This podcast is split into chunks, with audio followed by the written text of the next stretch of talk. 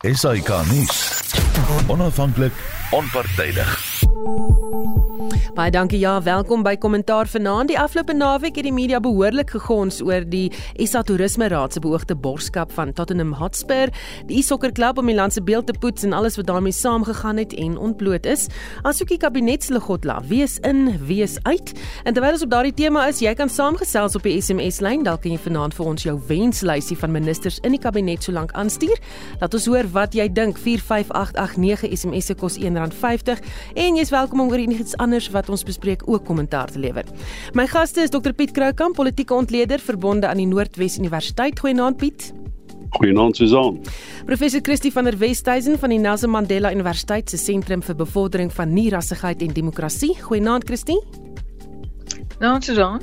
En 'n navorsingsgenoot aan die departement openbare administrasie en bestuur aan die Universiteit van die Vrystaat Dr Harlan Kloete. Goeienaand Harlan. Goeienaand Susan en goeienaand aan al die luisteraars en die gaste. My klankregisseur vanaand is Johan Pieterse en ek is Susan Paxton.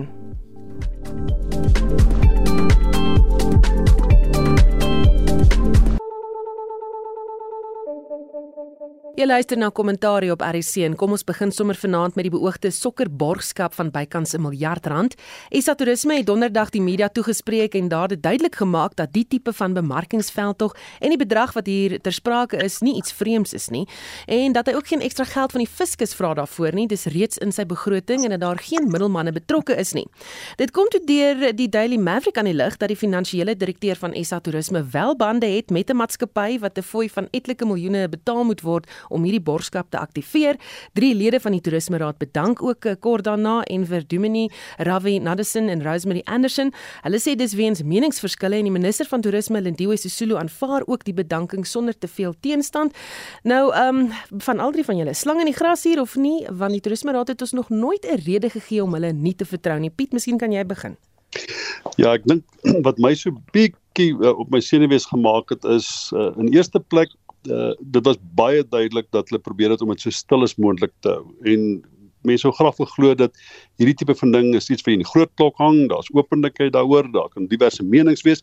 Hulle het dit baie duidelik probeer toe en toe was daar kom ons veronderstel daar was 'n vletjie blaser want daar's iemand wat dit in die media gelek het. Kom ons maak nou maar die veronderstelling dat dit nie hierdie drie mense is wat nou bedank het nie want almal vermoed dat hierdie drie of een van hierdie drie was 'n vletjie blaser of hierdie storie dat die media te geneem nou toe sê toe word aan die aankondiging gemaak dat hierdie persoon moet geïsoleer word. Nou dit herinner my nou apartheid daarvan iemand moet geëlimineer word. Dit is presies wat jy nie wil hê moet gebeur onder hierdie omstandighede. So die ding is totaal verkeerd bestuur. Ek weet nie of daar meriete daan is om vir Tottenham Hotspur te gebruik vir 'n bemarkingsveld tog uh vir Suid-Afrika. En miskien maak dit sin. Die ouens wat oor bemarking en die hierdie tipe van ding 'n op, geldige opinie het, hulle moet hulle daaroor uitspreek. Ek sien nou daar's teenstrydige opinies daaroor. Party mense sê, "Wel, dit maak sin. Daar is begroot daarvoor. Uh daar is bepaalde dividende, meetbare dividende. Ek dink hulle sê Rwanda se uh, se se toerisme syfer het, het, het gestyg met 8% of 9% na hulle in so 'n tipe van ooreenkoms was. So miskien is daar dividende, maar al wat ek sê is die manier hoe dit gedoen is is is is, is 'n blou druk vir hoe ons dinge nie moet doen nie. Ons kan dit nie geheim hou nie. Dis die eerste in die eerste plek en dan die tweede plek is in hierdie land kan ons die laaste wat ons ons kan dit nie bekostig dat vletjie blaasers gedreig word in die openbaar deur amptenare nie. Christie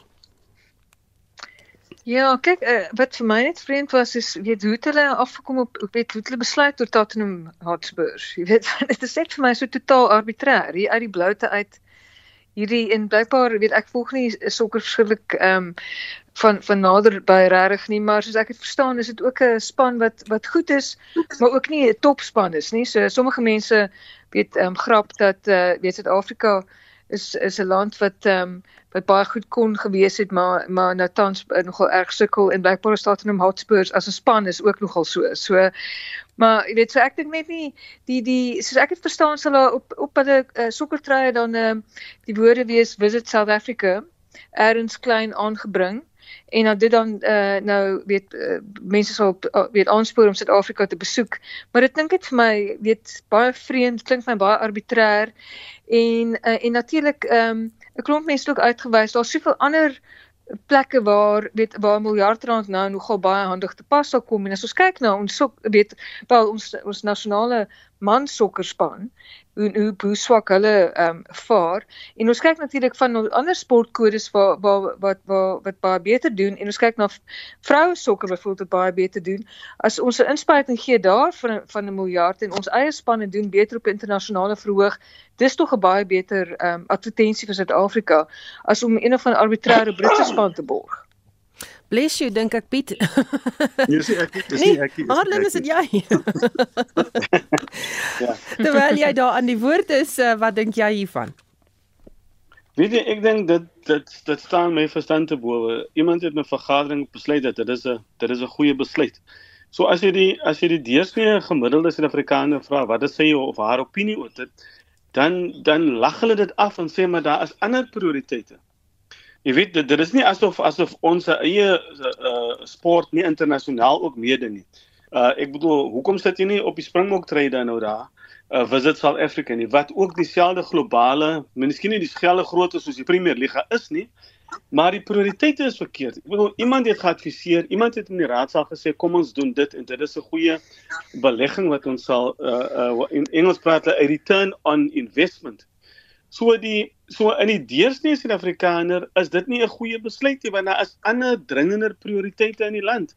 As ons dan nou meer toeriste wil hê na die land toe, dan dink ek moet ons se fokus wees om dat die toeriste 'n meer veiliger uh uh um ervaring te gee van Suid-Afrika. Ek dink Suid-Afrika sukkel ook vir internasionaal dat word ons word uitge, uitgewys as 'n as 'n land wat baie gewelddadig is, daar's misdaad En ek dink ons moet uh, ons prioriteite is heeltemal verkeerd. Suid-Afrikaners se groot probleem heidaglik of groot krisis is die energiekrisis. En en en dit en ek bedoel uh, hulle moes seker gedink het dat as hierdie ding gaan uitlek dat dit is die tipe teenkanting wat daar gaan kom. Ek sien nou van vanmiddag Kosatu is ook teen dit. Die president is teen dit, maar die voorsitter hou hou kop op dat hulle wil voortgaan met dit. So so in die, in En dit is dieselfde wat gebeur het met die vlagpaal kwessie met Natim Tetwa. Uh it justifies logic, you know, die die die die dit slaag nie die toets van redelikheid nie en die en die opbrengs wat dit gaan bring nie. Hm. Goed dan die minister. Hoekom sou sy gesê het aanvanklik dat hy niks van hierdie borskaf geweet het nie, maar dis duidelik dat die projek 'n lankal reeds in die pipeline is, Christie? Wel, Lindy Wessude sal waarskynlik nou eerder wil enige kontroversie vermy want sy is uiteraard, ek dink is een van die ministers wat sommige mense dink bekommerd behoort te wees of sy kabinetskommeling gaan oorleef of nie. Ek dink natuurlik sy is uh weet letterlik mense kan sê ANC royalty en uh dit sal ek sal verbaas wees as as Ramaphosa haar wel verbyde. Maar op hierdie stadium het sy nie enige verdere kontroversies nodig nie. Sy het weet haar planne uh, wat sy beraam het met haar uh, trawante daar by die ANC konferensie in Desember het, het lelik skeef geloop. Die weet haar ambisies is is weer eens uh, gefnuik om in die die topleierskap van die ANC te, te beland. So op hierdie stadium, ek dink sy lekker wonde en en en sy het nie nou omstrede en omstredenheid rondom haar portefeulje nodig nie. Piet kan hierdie dalk al laaste projek wees as minister van toerisme. Maar on, maar ek ek onthou dit was toerisme Suid-Afrika se projek. Dit was nie da, ons het nog nie bewys dat dit haar projek was of dat sy daaroor ingelig was of dat sy die plan geïnisieer het nie. Dis die een ding. Die ander ding is ons moet ek, ek hoor net baie keer mense sê ja, maar die geld kom vir die polisie aangewend word of vir die arme mense of ons kon huise gebou. Dit is altyd snerp argumente want begrotings werk nie so nie. Die begroting hierdie geld is binne in die begroting uh, van toerisme Suid-Afrika. Dit gaan oor binne die konteks daarvan hoe moet dit gespandeer word. Nou ek was die naweek was ek saam met uh, Futa Kriege by Bakkepaans gat gewees. Dis 'n World Heritage Site. Wie hoe, hoe rar is dit in Suid-Afrika? Dit val onder toerisme 'n World Heritage Site. Dis toe Die deure is toe.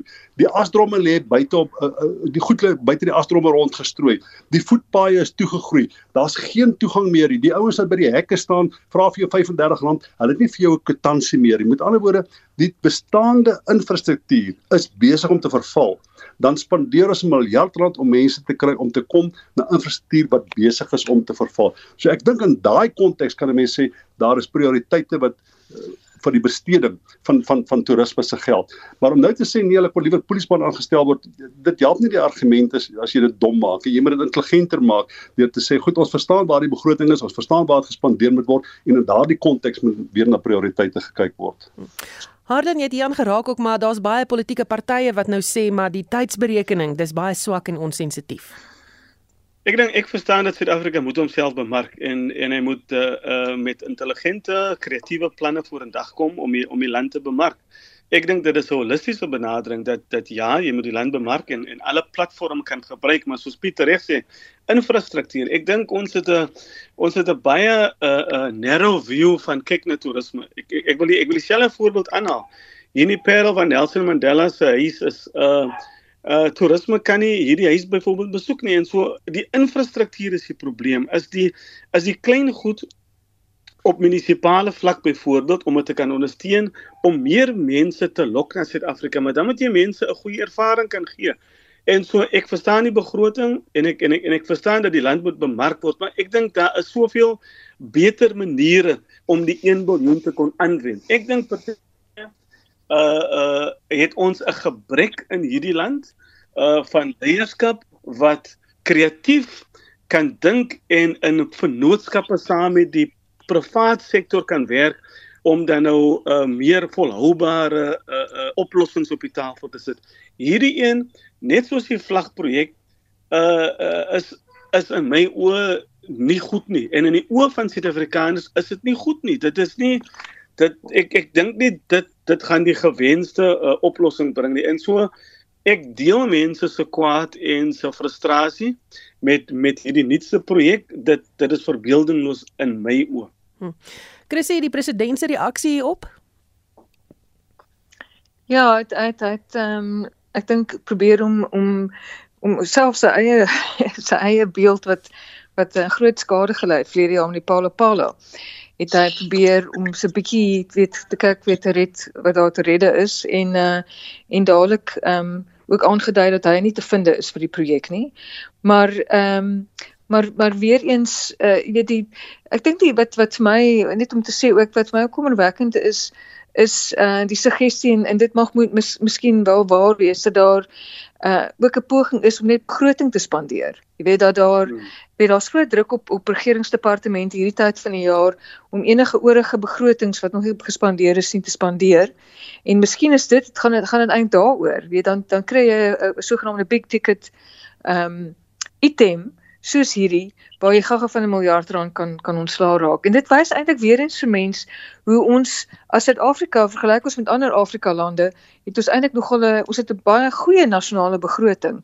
Maar ons het 'n ons sit, sit alweer, ons sit met 'n regering, ons sit met 'n staatsadministrasie wat nie hierdie begroting weet tot toetreffend kan spandeer nie. En dit in en so indien dit waar is dat eintlik daar gaan om eintlik net die begroting te spandeer, dan wys dit weer vir ons terug na ons ons probleem van uh gebrek aan kapasiteit om dienslewering te, te te doen, gebrek aan kapasiteit om die bestaande geld wat wel daar in in die stelsel is, behoorlik aan te wend. Mm. Terwyl jy aan die woord is, um Piet het 'n belangrike punt aangeraak en dit is die van die vletjie blaasery moet geïsoleer word. Dit het soos 'n dreigement geklink.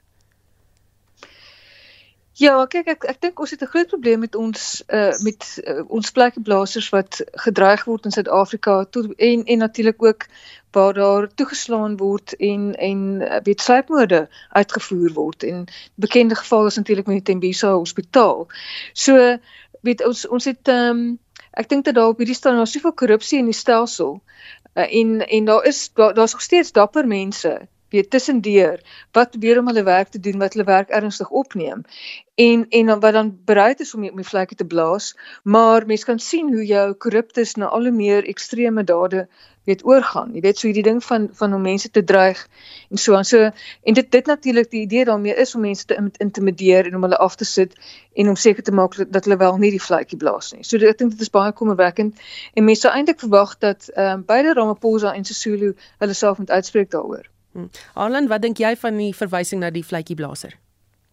Ek dink ek soos jy sê, uh ek dink wat wat my egter meer kommerwekkend is is dat die finansiële bestuurder uh, van toerisme is 'n uh, 'n middelman is en dit en dit ook geld daar kry. En so vletjieblaser ek het verlede week in die Sunday Times gelees is dat uh ek het nou die dame se naam vergeet, maar sy het gesê die hel waar sy sê hier is as vletjieblaser. Jy dink jy doen 'n goeie ding en dit spoor nie mense aan om dan nou wel die vletjie te blaas nie, want daar is 'n kultuur van ek gaan jou uithaal of gaan jou elimineer, ek gaan jou isoleer.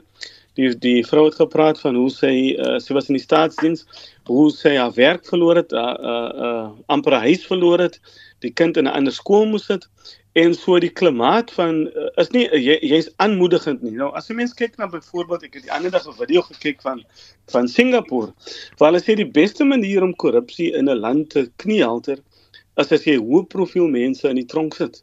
Maar dit dit het ons nog nie genoeg gesien in Suid-Afrika nie wat mense dan aanmoedig nie. En so mense in steede van aan die vlekkie te blaas, bly mense liewe stil want die voorbeelde van hulle wie vlekkie geblaas het uh, is nie is nie ehm um, uh, encouraging nie. Dit dit dit moedig nie mense aan om wel 'n uh, skoon regering te te promoveer nie. En en en so dit is die dit is die probleem dat ek dink ons het ons het beter of wetgewing of of beter beskerming nodig vir mense wat vletjie blaas. Ek dink in baie departemente is dit anoniem ook.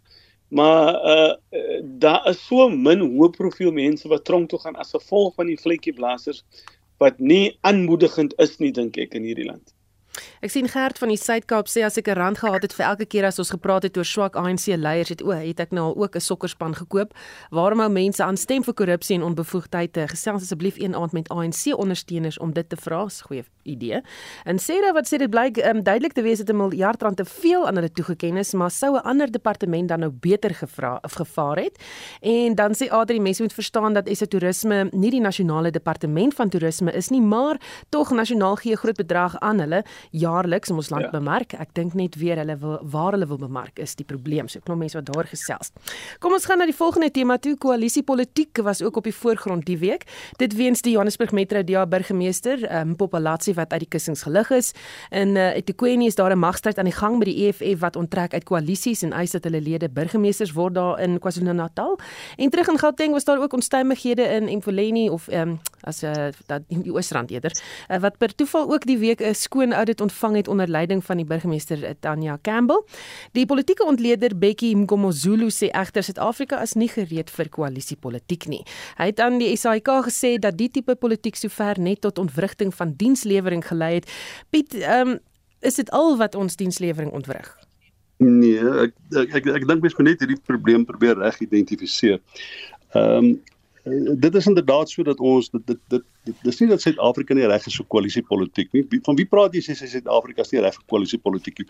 Jy kan dalk sê oppositiepartye in Suid-Afrika is nie reg vir koalisiepolitiek nie as jy wil. Of jy kan sê dat die DA byvoorbeeld wat op die op die ou end omdat hulle noem dit nou maar 'n wit liberale 'n tipe van pretense gehad het of wat wat hulle noem hulle het, hulle het, hulle het, hulle het bepaalde principles, né? Het hulle in die, en hulle wou twee poste byvoorbeeld nou nie vir die PA gegee het die, die van van van Guyton McKenzie hulle nie. Het toe gee hulle die hele kabinet of die hele MEC of die hele Johannesburg toe gee hulle dit nou vir die ANC. Vat liewer die hele ANC, vat liewer die hele Johannesburg ANC as wat julle hierdie twee poste wat ons hierdie twee poste vir die PA gee. Nou as dit is inderdaad so en ek het nou redelik ekstensief met met Corneil Mulder oor die ding gesels en hy's reg in die hart van hierdie tipe van onderhandelinge. En uh, tot solank as wat daar uh politieke partye is wat nie bereid is om kompromie aan te gaan. En partykeer moet jy 'n kompromie aangaan met iemand met wie noodwendig wil aangaan. En partykeer moet jy die stelsel vertrou en sê ek wil nie graag hê die PA met die ekonomiese bestuurspos hê nie omdat ek vermoed dat daar kan geld gespandeer word op bepaalde maniere wat sê net maar hulle party eh, politieke partybelang bevorder maar mense moet die stelsel vertrou dat daar oorsig gedoen kan word dat daar 'n burgemeester is wat sal toesien dat daai poste behoorlik bestuur word. Jy moet die oorsigstelsel op 'n manier vertrou en dan moet jy aanvaar dat jy partykeer 'n koalisievernote gaan hê wat nie noodwendig jou belange deel nie of nie noodwendig jou prinsipels soos die DA graag sê deel nie. Ongelukkig ons het nie die die luxury of die weelde om te kan sê ons kan net politieke partye wat 'n ideologie deel en wat 'n konsensus deel en wat 'n bepaalde historiese belang deel, net daardie politieke partye kan in koalisies gaan nie. Ons gaan partykeer met teenstrydige belange, met mededingende belange en partykeer met belange wat ons met onsself kompromiteer. Ons gaan partykeer op so 'n manier moet ingaan in koalisies toe. Nou wat nou gebeur is jammer ek praat so lank, maar net een ding is, ons gaan nou na die 2024 verkiesing toe. Daar's niks vir die ANC nou so graag wil hê soos om die bepaalde steenbaas te kry in Gauteng, in Ekurhuleni, in Johannesburg, in Tshwane, want dit is die beste manier om 'n verkiesing te veg. Nou gaan die ANC hierdie begrotings van die munisipaliteite gebruik en hulle magsbasis in die munisipaliteite gebruik om die 2024 verkiesing mee te veg. So ons het nou vir die ANC het is nou dit is nou Johannesburg gegee. Hulle gaan daai magsbasis gebruik om die 2024 verkiesing te wen.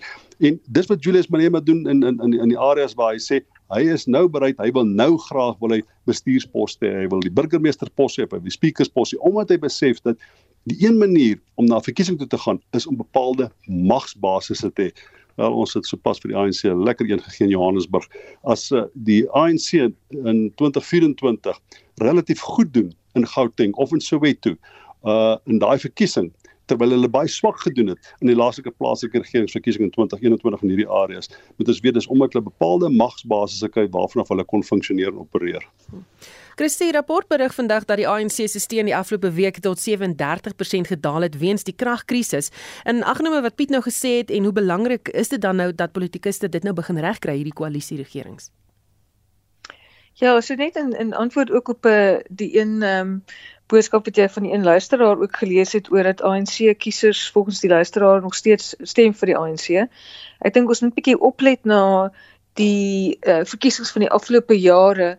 Dit is letterlik met elke liewe verkiesing uh, sien jy ehm um, hoe die ANC meerderheid krimp en hoe ANC kiesers en spesifiek is ANC kiesers wat al hoe minder en minder uitkom en stem vir die ANC. So ek dink hierdie klise van van o ja, ANC kiesers het aan om vir die ANC te stem.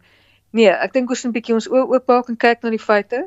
ANC kiesers is is in groter en groter getalle besig om op te hou vir die ANC te stem. Maar die krisis is ook 'n ons het ons het letterlik 'n kies kieskrisis want hierdie krisis affekteer ook die oppositiepartye want die probleem is dat baie van die ANC kiesers gaan stem nie nou vir 'n oppositieparty nie. Hulle onttrek heeltemal van die stemproses. Nou, en dit is baie slegte nuus vir ons vir ons demokrasie. Maar maar hierdie idee dat ANC kiesers maar net blindelings aanhou stem vir die ANC is is, is werklik nie akkuraat nie. En hierdie is 'n interne ANC peiling wat wys dat hulle onder 40% gaan val. So as ons kyk na die peilings wat verlede jaar uitgekom het, toe die ANC toe sommige mense het nog gesê byvoorbeeld ehm um, uh daar was 'n peiling wat so die middel van verlede jaar uitkom het wat wat uh voorspel dat die ANC net so onder die 50% kan kry en sommige mense het nog gesê nee hulle hulle loop hulle het, hulle het nog steeds 'n sterk kans om selfs net net so oor 50% te stoot. Maar as ons nou kyk na hulle eie interne peiling en ek verstaan in die DA het ook 'n interne peiling laat doen. Ehm um, dis natuurlik nou peilings wat deur die politieke partye self betaal word ehm um, vind dat dat die ANC ehm um, wat die ANC se eie peiling wys nou hulle gaan nie by die 37% ehm um, moontlik een val. Nou, so dit is op hierdie stadium, so ek weet nie presies wanneer daai peiling gedoen is nie, maar dit gee basies vir die syfers nou as al nou 'n verkiesing sou plaasvind, hoeveel mense sal vir die ANC stem? Jy weet natuurlik net daar's weet of eh uh, hoe verteenwoordigend dit die peiling is nie. Ek het geen verdere details sien nie, maar kom ons sê dit is so. Ehm um, dan is dit dis 'n massiewe uh massiewe verlies en dit en dit wys vir jou dan het dit uh, dit definitief te doen met die kragkrisis. En uh en ek ek wil ook net byvoeg dat ons as kyk na die koalisie situasie in uh uh en en hoe die EFF dit speel in verhouding tot die ANC. Want die ANC se groot benadering nou is wie gaan 'n geskikte uh koalisievernoot of koalisievernote dan wees volgende jaar in 2024 verkiesing. Die ANC sal nog steeds die party wees met die meeste stemme, maar op hierdie stadium lyk dit nie asof hulle by 50% gaan uitkom nie.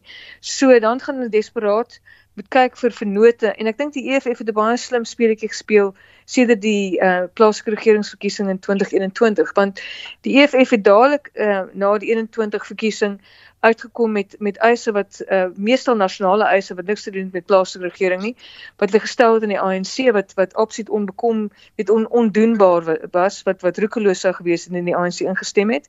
En toe die EFF daarna die ANC gestraf in Johannesburg en en Ekurhuleni deur saam met die ander oppositiepartye te stem.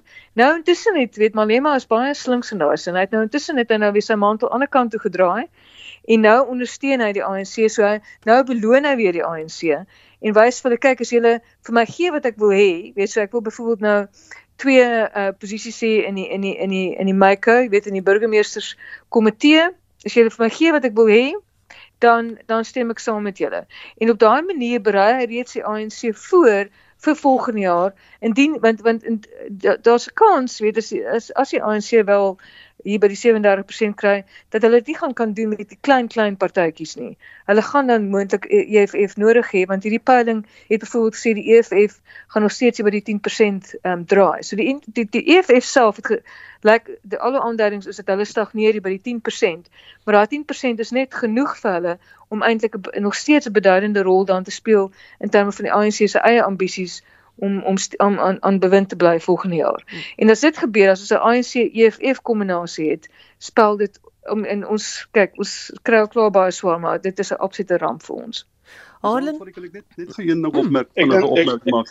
Die die daar's eh, daar's drie syfers vaardig, nee. Die een is die hoeveelheid stemgeregtigdes in Suid-Afrika, dan is die mense wat geregistreer is, dan is die mense wat gaan stem. En ek verwys nou na al die mense wat die hele tyd sê, uh swart Suid-Afrikaners sal altyd vir die ANC stem. In die laaste verkiesing, die laaste plaaslike regeringsverkiesing, het net 12% van die stemgeregtigdes in Suid-Afrika vir die ANC gestem. Net 12%. Moenie my vertel dieselfde mense stem altyd vir die ANC is absoluut snert. So indien daardie mense wat besluit ons gaan nie meer stem nie. En dis die ding wat die DA baie keer vir my verkeerd doen. Wat hulle doen is hulle blameer die kiesers. Hulle sê nee, die kiesers doen dit. Die kiesers doen dit. Wat hulle eintlik moet sê is ons stel nie 'n program daar wat ons aantreklik maak as 'n alternatief vir die ANC nie. Die probleem oor hoekom mense vir die ANC stem wanneer hulle wel gaan stem en hoekom jy nie kan voordeel put daai dit net 12% van alle stemgeregtigdes vir die ANC gestem het nie die probleem lê by die oppositiepartye.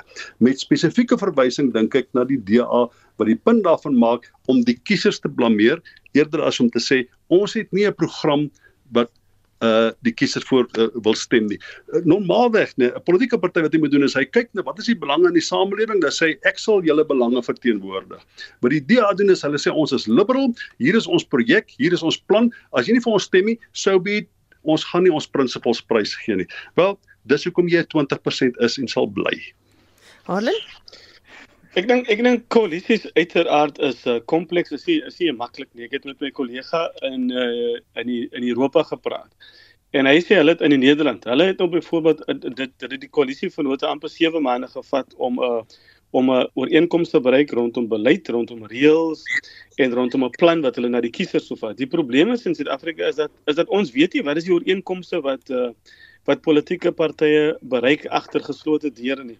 En omdat daar nie daardie tipe uh, deursigtigheid is, het jy hierdie hierdie patroon wat homself amper herhaal. Nou die die ANC se se afname is eintlik 'n uh, 'n tendens wat wêreldwyd is. Ek bedoel as jy kyk in Indië, die party wat wat vryheid bring, hou gewoonlik so tussen 40 en 50 jaar. So daardie die ANC is op daardie traject om om sy ondersteuning te verloor. Die probleem met die koalisie is dat dit dat dit bou nie vertroue in die kiezer om te gaan stem nie. As jy nou kyk wat in Johannesburg gaan raak. As ek met my eie kinders praat wat in hulle wat wat jong adults is, is dat die vertroue, hulle vra nou vir wie moet ons nou stem volgende jaar want dit lyk dat politieke partye net daar is vir hulle eie belang en hulle eie gewin en nie regtig die volwassenheid het of vir Suid-Afrikaners wys die volwassenheid toon om saam te werk nie. Ek dink nie dat die DA en die ANC byvoorbeeld is so uh, in in in enige koalisie is daar it's it's give and take. Jy moet jy moet you must wise compromise. En ons sien nie die politieke volwassenheid wat van ons politieke party wat mense wil hê. Die Suid-Afrikaners wil veilig wees. Die ligte moet brand. Hulle moet die, in 'n veilige omgewing kan wees en hulle moet ekonomies inklusiewe ekonomiese beleid daar kan hê. Dit sien ons nie. En so die kleiner partye sê dit sien ons nou vanaf 1 November is dat die kleiner partye sien hulle self as koning of of in Engels we call it kingmakers or queenmakers. Hulle hulle gebruik daardie baie goed en en now we have the the tail wagging the dog. En en as mens die volwassenheid kan sê, ek het ek sê en ek en ek en ek en ek hou by die as die twee groot verloders 'n beter stabiele regering op plaaslike vlak dink ek moet wees die die kollek die collective executive system. En nou daar is twee maniere om munisipaliteite kan bestuur. Een deur 'n uitvoerende burgemeester of deur die kollektiewe uitvoerende stelsel. Soos wat ons nou gesien het in uh, Nelson Mandela munisipaliteit. want dit want partye word dan proporsioneel verteenwoordig in die uitvoerende gesag en nie die wenner neem alles nie. En dis nog dis nog uh uh it's still early days, maar in Desember het Nelson Mandela daai stap geneem. In KwaZulu-Natal is dit nou 'n gevestigde. So uh koalisies, dit is nie ek dink jy ons moet nou begin so vroeg begin opgee daarop nie. Maar ek dink dit vra vir 'n vir 'n tipe politieke volwassenheid van ons politieke leiers om want want op plaaslike vlak gaan dit oor dienste die die strate moet skoon wees ek dit is nie groot beleidskwessies nie en ekonomiese vooruitgang uh van van plaaslike gemeenskappe en sosiale kohesie. So uh die politieke volwassenheid Pieter nou daarvan gepraat ook dat dat, dat jy kan nie as jy in 'n onderhandeling gaan arrogant wees nie. Dit is dit is kom ons beding iets wat vir die plaaslike mense 'n uh, 'n uh, 'n uh, hoop gaan bring. Dit wat ons in Johannesburg sien en ek bedoel politieke partye beklei die hele tyd met mekaar in steede van beklei met die mense. Ons moet ook seker 'n stelsel hê waar daar meer uh accountability kan wees. Ons praat van uh, in Engels praat 'n vote of no conference. Ja. Die mense verloor hulle vertroue in die demokratiese projek. Hulle hulle hulle kry nie waarde vir sy stem nie. Hy sê ek stem en stem, maar dit bly dieselfde. So die so die waarde vir sy stem kry hy nie. Hy kry dit nie en en en dit is die probleem. So koalisies dink ek nie is 'n slegte ding nie. Ek dink Suid-Afrikaners wil gematigdheid hê en op hierdie stadium is ideologie dink ek minder belang. Ons het pragmatiese oplossings hmm. nodig van alle kante af. En daar's goeie mense in die DA, daar's goeie mense in die EFF, en goeie mense in die ANC. Ons het pragmatiese uh uh politiek nodig wat en maar ook 'n baie sterk burgerlike samelewing wat nie terugsit en sê lewer vir ons dienste ons doen niks nie. Hoe werk ons saam om by die einde uit te kan kom?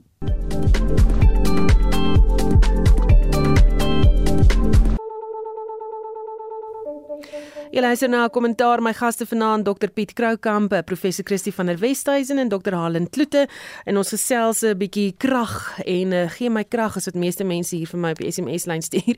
Die ANC beheer voort met sy plan om die kragkrisis 'n ramptoestand te laat verklaar en boonop wil die party hê dat Dr Nkosazana Dlamini Zuma weer die ramptoestand bestuur. Die party wil dit dan nou ook voorkom uit koerantberigte is egter verdeel oor die besluit. Sommige sê sy het die ervaring, ander sê nee, dit moenie sy wees nie, want uh, die bestuur volgens die COVID ramptoestande het sy direk besluite teëgegaan wat uh, die president gemaak het en die land baie geld gekos en uh, ja die afgelope naweek vra iemand vir my of as sy die ramptoestand bestuur of ons weer net uh, nie oop skoene mag gaan dra of koop nie en of gaan mag ons rook of drink nie. Mense is baie sinies oor haar aan stuur van sake Piet Ja, kyk mense moet baie versigtig wees vir die koerante se spekulasie. Hulle spekuleer dat Skossesana Dlamini, ek dink sy het die pres dit gedoen, dat sy dalk kan aanbly en dat sy by ou en die rampbestuur uh, kan doen. En dan spekuleer hulle oor uh, of daar 'n uh, uh, uiteindelik wel 'n ramptoestand afgekondig gaan word. Ek dink die feit van die saak is ons weet nog nie wat die president besluit het nie. Uh die die die dat die president het wat my betref het hy het 'n bietjie van agterdeur. Indien hy 'n ramptoestand kan afgekondig kry, kan hy uh, energie vat en hy kan dit skuif na die kabinet toe, soos wat hy uh, staatsveiligheid geskuif het na die kabinet toe. En hy sê dis hy moet dit daarvan af bestuur. Nou die lekker voordeel daarvan is, jy kan van Gwedi Matas ontslaa raak uit die energiegesprek. Ek dink dit gee hom 'n baie ideale geleentheid. So die koerant is gespekuleer met ons, as jy nou interessant wil spekuleer, dink 'n bietjie in daai opsie. Die president sê ek bestuur van dit in my kantoor toe uh op hierdie stadium dit is heeltemal moontlik dat Skozzano Dlamini Zuma daarop kan eindig. Maar ek is nog nie heeltemal oortuig dat sy haar kabinetspos gaan eers hou nie.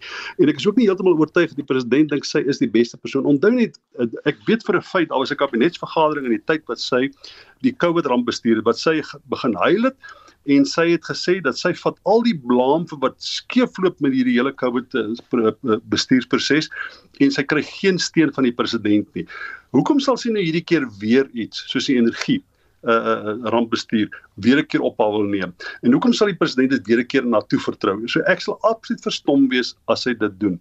Die enigste rede hoekom hy dit sal doen is omdat die president geneig is om niks te doen eerder as om iets te doen. Maar hier is alles net spekulasie in in die koerant. Ons weet nog nie. Daar's nog nie 'n regsopinie daaroor gewees en die kabinet nog nie daarop ingekoop nie. Daar's nog nie 'n besluit daaroor geneem nie. Die kabinetswysigings gaan eers in die paar dae wat uh, die volgende paar dae gaan dit nog aangebring word en daar's geen indikasie dat dit wat die koerante sê noodwendig waar gaan word nie. Maar ek hoop, ek regtig hoop dat as die president vir my ook luister een keer in sy lewe, dan vat hy energie en hy skuif dit in sy kabinet toe. Hy kondig 'n rampbestuurproses af. Hy bestuur dit vandag na Raakie van Gwedi Mantas ontslaa die proses. Christie, ehm um, professor Dewald van Niekerk van die NWE het op sy beurt gesê dit is nie nodig om dit 'n ramptoestand te laat verklaar nie. Die meganismes bestaan reeds om hierdie krisis te kan hanteer. Ja, voor ek daarop antwoord ek net gou net sê in terme van wat Harlan vroeër gesê het oor die kollektiewe bestuur burgers burgemeesterskomitee en Nelson Mandela Bay wat eintlik aan die aan die gang is hierso waar ek bly is die is dat ons het 'n poging van die provinsie provinsie se kant of die ANC beheerde provinsie se kant af om te probeer om die metro hierso oor te neem en daar's 'n een eensidedige poging gewees deur die LER om hierdie stelsel van 'n kollektiewe bestuur burgemeesterskomitee af te dwing op die stad. En uh die stad het toe ehm um, dit hof toe gevat in Desember en en gewen. So dit is uh, daar's nie korrekte prosedure gevolg nie en uh, en die in die hof het, het beslis in die in die guns van die van die stad en in die guns van die DA. So so daai kollektiewe uh, burgemeesterskomitee gaan definitief nie hier plaasvind nie en dit was om wat sê 'n politiek opportunistiese beweging van die ehm um, provinsiale ANC net net om daai rekord uh, reg te te te stel. Ehm um, ja kyk ek ek is baie sinies oor die hele uh, ramp storie. Ek dink dat dat is dit is vir my uh, as ons kyk na wat gebeur het met met COVID. Weet ek kan werklik baie nie glo dat die ANC voorstel dat ons teruggaan in 'n ramptoestand weet skaars nou nou dat ons uit is uit uit 'n vorige een nie en wat wat die opvallendste ding om teen die COVID-19 ramp ehm um, toestand was natuurlik die die ongelooflike misbruik wat wat dit gefasiliteer het. So dit maak die deure oop vir korrupsie. Dit en en uh en en die ANC uh, en en en kronies en so aan het daar het die deure gestap en hulle het hulle het absoluut te kere gegaan. So weet so ek ek is baie baie bekommerd oor oor hierdie idee. Ek sien werklikbaar nie uh, veel net daarin nie. Ek ek sou saamstem met die kommentator dat ons die bestaande meganismes kan gebruik om hierdie situasie te hanteer. Dit is nie mens kan nie vir gewone hierdie weet kragverskaffing in 'n land ehm um, is is 'n gewone ehm um, uh competence wat 'n regering of 'n staat moet uitvoer. Jy weet dit is 'n gewone ding wat wat wat ehm um, wat staatsdepartemente, wat is wat 'n staatsonderneming en so aan en so aan met deel is van hulle funksie wat hulle moet uitvoer. Dit is nie uh weet uh, iets so 'n ramptoestand is iets wat verklaar word vir weet soos byvoorbeeld uh, weet vir vloede, jy weet vir uh ek dink in 'n in die in die in die in die geval van 'n pandemie is dit wel ook geregverdig. So dit is wanneer daar 'n skielike ehm um, weet groot krisis 'n uh, 'n land tref en jy het spesiale meganismes nodig om dit te hanteer. Uh hierdie is nie die geval nie. Hierdie ding met met Eskom kom ons nou al jare. Hierdie ding is geskep deur die ANC self. So dit is my totaal en al onregverdigbaar. Ehm um, en en ek vermoed en waar dit daar ander uh, bedoelings is daarmee. En ek is ook ver, verder bekommerd oor die feit dat weet ons ons was reeds met die vorige met die COVID-19 ramptoestand was ons bekommerd oor die oor die ingrapings in ons demokrasie want onthou dit maak ook die regering minder verantwoordbaar. Die die ehm um, die kabinet uh het het het, het, het en spesifiek eintlik die die ehm um, die top krisisbestuur liggaam het op die ou ene uh, nie eers gerapporteer aan die parlement nie. Ek weet daai goed moes moes moes toe in werking gestel word. Jy weet so daar's 'n dit kan misbruik word deur 'n politieke elite. En hmm. uh en in in in daai sin is ek baie bekommerd daaroor dat ons dat ons skielik van die een ramptoestand wil ons nou spring in 'n volgende een en en ek dink om hierdie spesifieke twee redes wat ek ek dink albei is uh albei maak dit verdag. Harlan? Goed, ek wil gou net terugkom na ook wat Christie gesê het. Ek dink wat ek wat ek probeer sê, die kollektiewe uh bestuurstelsel werk as as as een party nie 'n meerderheid kry nie. Jy is nou daar in 2000 in die Weskaap uh is die LER se prerogatief om te sê watter tipe stelsel hulle gaan hê in om munisipaliteite munisipaliteite te bestuur. En so in in in daar is die of die almagtige burgemeester met sy komitee op die kollektiewe uh, executive system wat die amptenare, jy weet om 'n munisipaliteit te bestuur, jy ook baie goeie kundige amptenare nodig. En om daai uh, politieke onstabiliteit gesê, dink ek het ek die punt gemaak dat ek ek dink die kollektiewe ek uh, uitvoerende stelsel is baie meer gepas wanneer dit kom by uh koalisies op 'n op 'n munisipale vlak. Om terug te kom na die na die vlak van Eskom. Kyk, ons is in 'n ramp al klaar met Eskom en met die energiekrisis. Wat 'n ramp uh, toestand binne net bring is dat hy sê ons kan die uh procurement bietjie verslap. Nou die staatsamptenare het bewys in die in die vorige ramptoestand hoe mense dit bloot misbruik het. En so ons het 'n kultuur in die staatsdiens en en en die gewone Suid-Afrikaner het nie vertroue in het het, het amper vertroue in in die regering verloor. Die eerste ding wat mense sê is jy gaan hulle gaan weer steel. En so die so die president met die politieke wil het en en en en duidelik vir Suid-Afrika wat beteken 'n ramptoestand? Is dit nou net die verslapping van procurement, uh, aankope? Maar wat beteken dit en hoe vinnig gaan ons by die by, by die plek kom waar ons dan nou nie meer dit gaan hê nie. Nou, dit vir my verg politieke wil. En nou ons het hierdie politiek, jy kan nou enige skryf Piet vanaf Gwedi na die kabinet toe of na uh Pravin Gordhan af. Dit lyk ons ons speel met Suid-Afrikaners bal bal het hierdie regering die wil om hierdie energiekrisis te uh uh op te los en hy kan dit nie alleen doen nie. Om hierdie hierdie energiekrisis op te los, het jy die beste kundigheid nodig ongeag van ideologie. En ek dink dit is waar ons moet kom. Die beste breine in die sake sektor moet saam met die regering in 'n vertrek kan sit en sê dit is hoe ons nou oor 'n 5 per jaar periode nie weer in dieselfde proses gaan kom nie. My dogter herinner my die ander dag, ons is nou amper 16 jaar in beerdkrag. Nou, dit is ons kan nie so aangaan nie. So op hierdie stadium sê ek of ons nou 'n ramptoestand het of nie, kom ons kom by die plek waar ons 'n plan van die president se plan van verlede jaar wat hy aangekondig, dit het ook nie gewerk nie. Hmm. En so oh, ons het, ons het nie skepend moet kyk na die probleem en die regering kan dit bloot nie alleen doen nie. Ons het vennootskappe nodig tussen die ja. regering ja. en die privaat sektor om hierdie probleem aan jou. En hierdie probleem het nie 'n velkleur nie. Hy is ook nie 'n uh, 'n uh, uh, uh, ons het die beste kundige mense nodig nou om ons hierdie energiekrisis uit te kry. Ek wil dan ook vir julle nie steel nie. Dit is wat Suid-Afrikaners sê, moet nie steel van ons nie. Uh, die die deursnee Suid-Afrikaner haat korrupsie, wil nie hê. En ons weet hoe leierskap lyk nou in hierdie land. Na na amper 25 jaar weet ons ook hoe lyk leierskap. Suid-Afrikaners skree vir leierskap op plaaslike vlak en op uh, nasionale vlak. Goed, ek wil dan ook vir julle vra, die advertensie vir die pos vir die nuwe Eskom bestuurshoof is uh, beskikbaar. Beduidende verskille oor wat die vereistes is vir die pos gaan een van julle aansoek doen, Piet, jy? ek ek sien hulle soek 'n ingenieur as hulle akademiese lieplapper gesoek het was ek definitief daar want dis ek dink dis min of meer die uh, ek ek ek net gou 'n bietjie uh, en ek wil bietjie verskil van Christie hierso.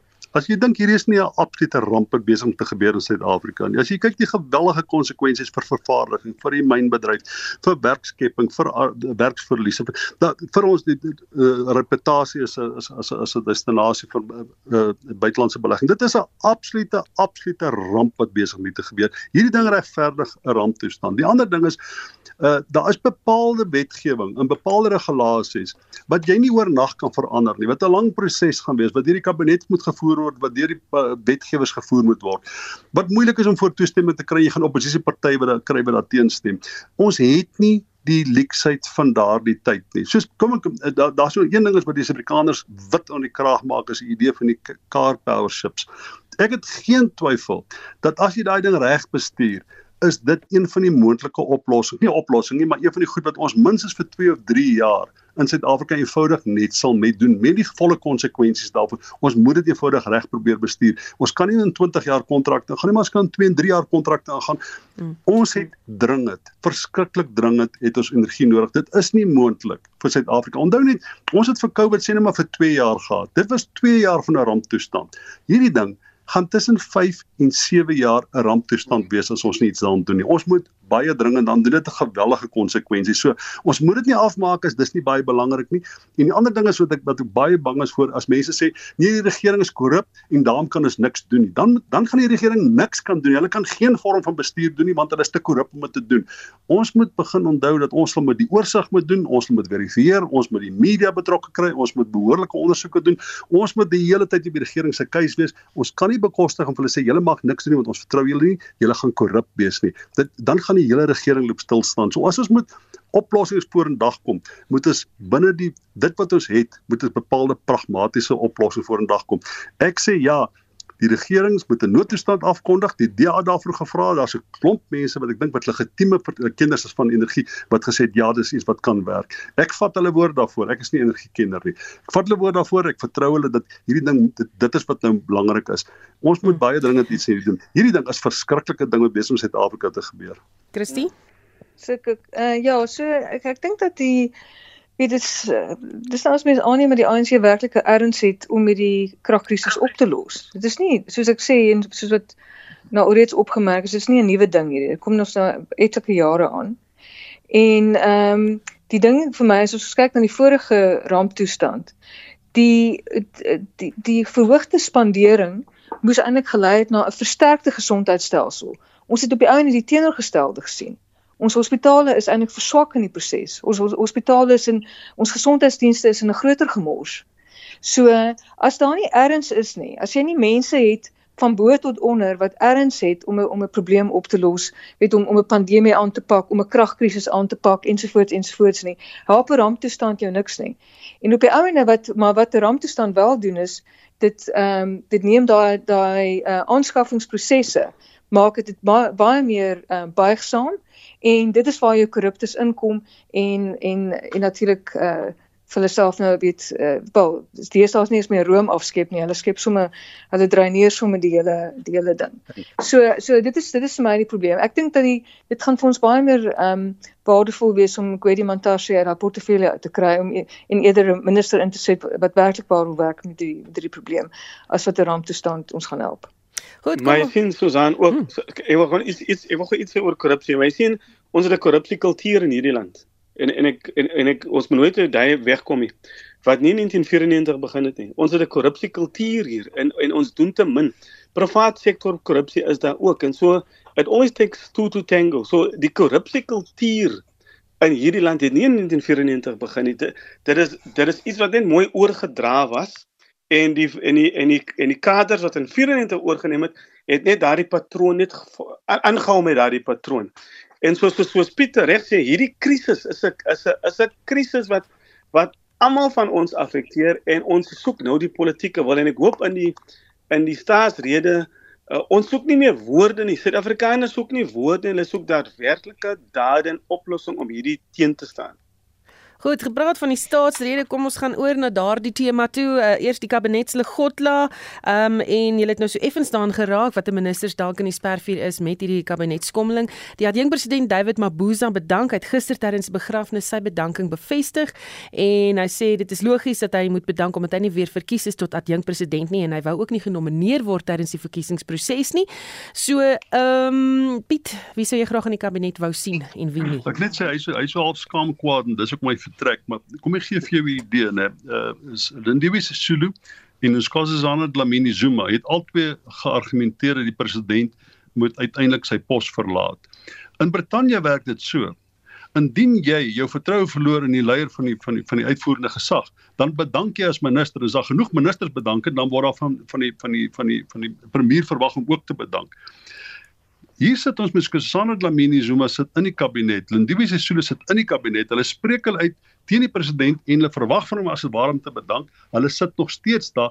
Hulle het nie die integriteit om te sê omdat ek nie saam met die president stem, daarom sien ek nie kans om verder sy kabinet te dien nie. Dit is 'n eienaardige ding. Nou, as jy nou regtig van die van die van van die van die meer bizar na die mees bizar wil gaan, dan kyk jy wie's een van die karakters wat nou in, in wat in KwaZulu-Natal het hy hy's nou geskuif na die na die nasionale wetgewer toe sodat hy beskikbaar kan wees vir die uitvoerende gesag. Sigli Sikelala was seker die mees rampsalige uh premier wat KwaZulu-Natal kon gehad het by die ANC betref. In daardie tyd het as dit ware hulle hulle steen het onder die 50% gedip en hulle het 'n wesenlike kans om om uiteindelik uh KwaZulu-Natal weer af te staan in 'n koalisie van partye alles onder die bestuur van Siglike Sikelala. Julle sal onthou tydens die die COVID ramp hoe hy eendag iemand fisies op televisie aangerand het. Dis nog dieselfde persoon wat nou is op pad blykbaar op pad is na na die president se kabinet toe. Pakstou en hy is 'n legende gewees vir die patronaatskap en die tenders. Onthou julle die hier in Johannesburg is nou nog hierdie fietsrylane. Totaal onprakties. Dit gaan nooit gebruik word nie. Dit gaan nooit werk nie. Al daai goed is gebou met patronate en kaders wat tenders gekry het by die uh, munisipaliteit en Johannesburg gekontrole in die grondbestuur. Nou dis net twee van die karakters wat duidelik nou in terme van die president, hy het nou al 'n ooreenkoms aangegaan oor hoe gaan sy nuwe kabinet lyk. Dis nou duidelik ons begin bewus word wie gaan wie gaan die mense wees wat dit oorleef. Daai twee mense word nou geteken as moontlike kabinetsministers. Nou iets sê vir my, ek weet nie hoe die president se kabinet gaan saamsit nie, maar baie duidelik is dit weer 'n kompromis wat hy het met KwaZulu-Natal en verskillende rolspelers. In plaas van dat hy besluit ek stel 'n kabinet aan wat hierdie land kan bestuur is dit weer 'n politieke kompromis wat oor dit wat binne die ANC aangaan. So die president se woorde van destyds ek is heeltemal bereid om al my energie te spandeer om die ANC te red eerder as Suid-Afrika want dit is my belangriker. Daar's my tekens dat dit weer besig is om uit te speel. Christie Ja nee ek dink dat ehm um dit is basies net 'n hersirkulering van van mense. Jy weet, so dis 'n uh, 'n skuif van mense op provinsiale en plaaslike vlak nou na nasionale vlak. Hulle is uh soos Piet ook uitwys, weet mense wat regtig waar nie uh goeie rekords het nie en hulle word eintlik maar beloon vir weet vir sekere oomblikke wat hulle uh vir Ramaphosa weet steun gegee het. Uh Zikalala was was spesifiek ook belangrik vir Ramaphosa bijvoorbeeld in KwaZulu-Natal. So ehm um, dan van die staatsrede self weet ek dink dat ehm um, soos wat eh uh, ehm um, Harlan ook uitgewys het, Suid-Afrikaners is so moeg vir vir weet beloftes en verleë woorde en verlang toesprake wat eintlik net 'n klomp warm lug is en so aan. En ek dink dat ehm um, in in plaas van om om 'n hele staatsrede te lewer moet Ramaphosa eintlik 'n oomblik van stilte aankondig maar ek ek kan net sommer 'n uur en 'n half van stilte maak en dan moet hulle almal daar in die parlement sit. Ja, ons hele politieke elite en dan moet hulle 'n bietjie dink oor hulle sondes oor die afgelope hoeveel jare. Dit dit is vir my sterk aanbeveling wees. Ehm um, Maar net net om te praat oor verlede jaar se se staatsrede en en en en wat weet jy die groot ding wat verlede jaar aangekondig is deur Ramaphosa is die idee van 'n sogenaamde uh nuwe maatskaplike verdrag en wat binne 100 dae gedoen sou wees by Netlek. Uh op die ou en na 100 dae, hulle het 100 dae gemis. Toe sê hulle nee, nee, hulle bedoel bedoel 100 werksdae. 100 werksdae gekom en gegaan, dis toe ook gemis. En op die einde moes Ramaphosa by die ANC konferensie in in Desember verlede jaar toe nou erken nee, die dinge toe nou platgeval en dit gaan nie gebeur nie. So, um, weet ek dink die die die dae van weet groot skemas en fantastiese planne en en so en so en is oor. En Ramaphosa gryp nog steeds na na sulke tipe van dit is amper soos feel good moments wat hy vir ons probeer aanbied. Uh en en wat ons as Suid-Afrikaners wil op hierdie stadium is is hou op met die warm lug en begin die werk te doen. Harlan? Ja, ek dink jy weet jy uh om om terug te kom, ek dink die president en, en dis maar politiek. Die president is eintlik 'n baie nice persoon en ek dink partykeer is hy te nice. 'n Mens so 'n mens wil hê en dit wat die Afrikaners wil hê met bietjie ruggraat wys, is dat sy politieke teenstanders in die in die kabinet het hom nou openlik uitgedag en ek weet nie of hy die wil het en en hy moet en hy moet so 'n klomp mense gelukkig maak Nou in 'n president, dis nou sy laaste termyn en ons hoop hy maak dit dan nou klaar, uh, want dit want, want om hierdie onstabiliteit te vermy. Maar ek is ek is baie seker as Paul Masitile inkom as uh vroeër vanaand het ek gelees dat die president het vir vir uh, Mabuza gevra om nie te bedank nie, hy moet eers gou 'n bietjie aanhang. So uh, ek ek weet nie wat om presies daarin te lees nie, maar Paul Masitile is baie meer ambisieus as die as uh, David Mabuza. Uh, uh, ek dink hy, hy hy het sy oog definitief op die op die presidentskap in die in die langtermyn. Uh, maar die president moet soveel klomp mense gelukkig hou en natuurlik het hy nog die pala pala swart oor sy hang oor sy kop. Gwedi Mantashe wat hom so beskerm het. So uh, jy weet my my verwagtinge vir die president om leierskap te gee is baie minder. Vroeë jare sou ek nog baie uitgesien het na die na die staatsrede wat hierdie jaar op my verjaarsdag is. Uh ek sou baie opgewonde gewees het daaroor, maar weet jy, dit is vir my amper 'n non-event nou. Uh want daar gaan weer gesê word van dieselfde beloftes en dan gaan eintlik niks van dan of bitter min daarvan kom. En ek is by nature 'n baie optimistiese mens. Uh maar uh, maar maar die maar die maar die maar die rekord van van die president oor die laaste jaar. Ek dink hy was meer gefokus om sy presidentskap te behou as om die as om die kwessies wat Suid-Afrikaners aanraak aan te spreek.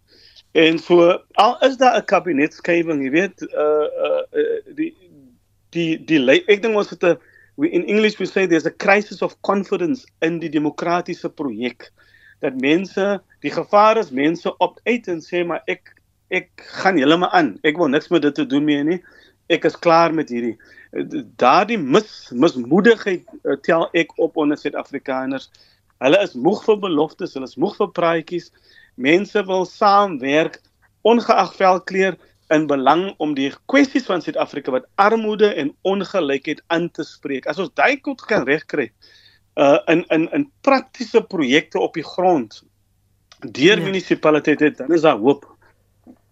By die laaste woord gaan joune wees want ons het so 2 uh, minute oor dan se program verby. Ek nie by die helfte van die goed uitgekom wat ek wou oor gesels nie maar uh, beide Christie en Harland het nou al gepraat oor wat hulle sou wou hoor miskien van die president af tydens sy staatsrede. Wat gaan jy wou hoor? Wel ek ek ek dink in eerste plek uh, moet hy vir ons 'n indikasie gee van hoe hy die volgende uh uh sê net maar 18 maande sien op pad in die verkiesing toe. Ek wil baie duidelik hoor of hy ANC programme gaan voorstaan in 'n poging om 'n verkiesing te wen en of hy uiteindelik die nasionale belang gaan voorstaan. Laas het hy vir ons vertel in die vorige uh sou dat hy vir ons gesê daar gaan 'n nasionale pak wees, 'n social pact niks het daarvan gekom nie. Hy het vir ons gesê hy gaan die National Health Insurance gaan van die tafel kom. Dit het intussen op die lange baan geskuif. Uh hy het vir ons vertel dat hulle gaan uiteindelik gaan hulle die uh gaan hulle uh, die internasionale uh, bandbuite gaan hulle beskikbaar maak. Wel dat op hierdie stadium is daar nog nie veel daarvan te sien gewees nie. So as jy mooi gaan kyk dat dit vir die toespraak wat die president 'n jaar gelede gemaak het, omtrent niks daarvan het gematerialiseer nie. Hmm. Al wat ek hierdie keer wil hê die president moet so prakties wees dat 'n mens kan sê dit wat hy nou gesê het is realiseerbaar, dis uitvoerbaar en ons sien hoe hy dit gaan doen. Hmm. Maar ek ek ek gaan nou nie my asem ophou nie. En dit was dan kommentaar vanaand. My gaste Dr Piet Kroukamp politieke ontleder verbond aan die Noordwes Universiteit professor Christie van der Westhuizen van die Nelson Mandela Universiteit se sentrum vir bevordering van nie-rassigheid en demokrasie en dan ook 'n navorsingsgenoot aan die departement openbare administrasie en bestuur aan die Universiteit van die Vrystaat Dr Harlan Kloete. My klankregisseur is Johan Pieterse. Dankie dat jy vanaand saam geluister het en ook saam gesels het. Almal het lekker saam gesels. My naam is Susan Paxton. Geniet die res van jou aand